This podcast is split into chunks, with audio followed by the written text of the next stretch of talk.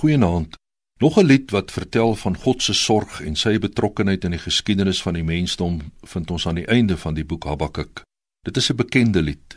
Selfs al sal die vrye bome nie bot nie en die wingerd sonder druiwe staan, al het die olyfoes misluk en lewer die landerye niks op nie, al vergaan die kleinvee in die veld en is die beeste krale leeg, ten spyte van alles sal ek my verbly in die Here. Ek sal juig oor God wat my verlos.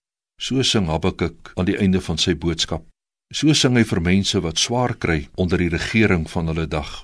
Maar hierdie jubelkreet aan die einde van Habakuk se boodskap kan ons nie losmaak van sy aanklag teen God aan die begin van sy boodskap nie. Daar is min plekke in die Bybel waar God so direk en met soveel drif aangekla word.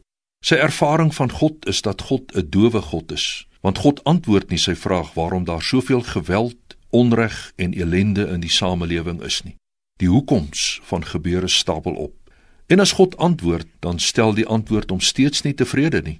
Want God praat van 'n regering wat nog erger teenoor hulle gaan optree as die regering van die dag. Hy kla God 'n tweede keer aan en nog erger. Hy sien God as 'n ongevoelige, liefdelose God teenoor sy volk.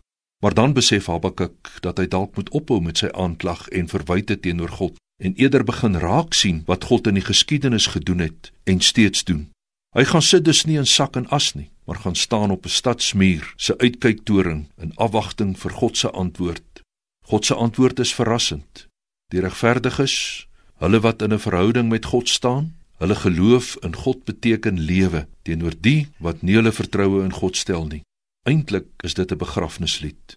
Habakuk sing nie aan die einde van sy boodskap 'n begrafnislied nie, maar 'n juiglied.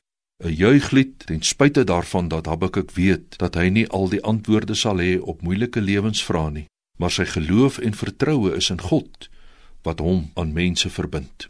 Amen.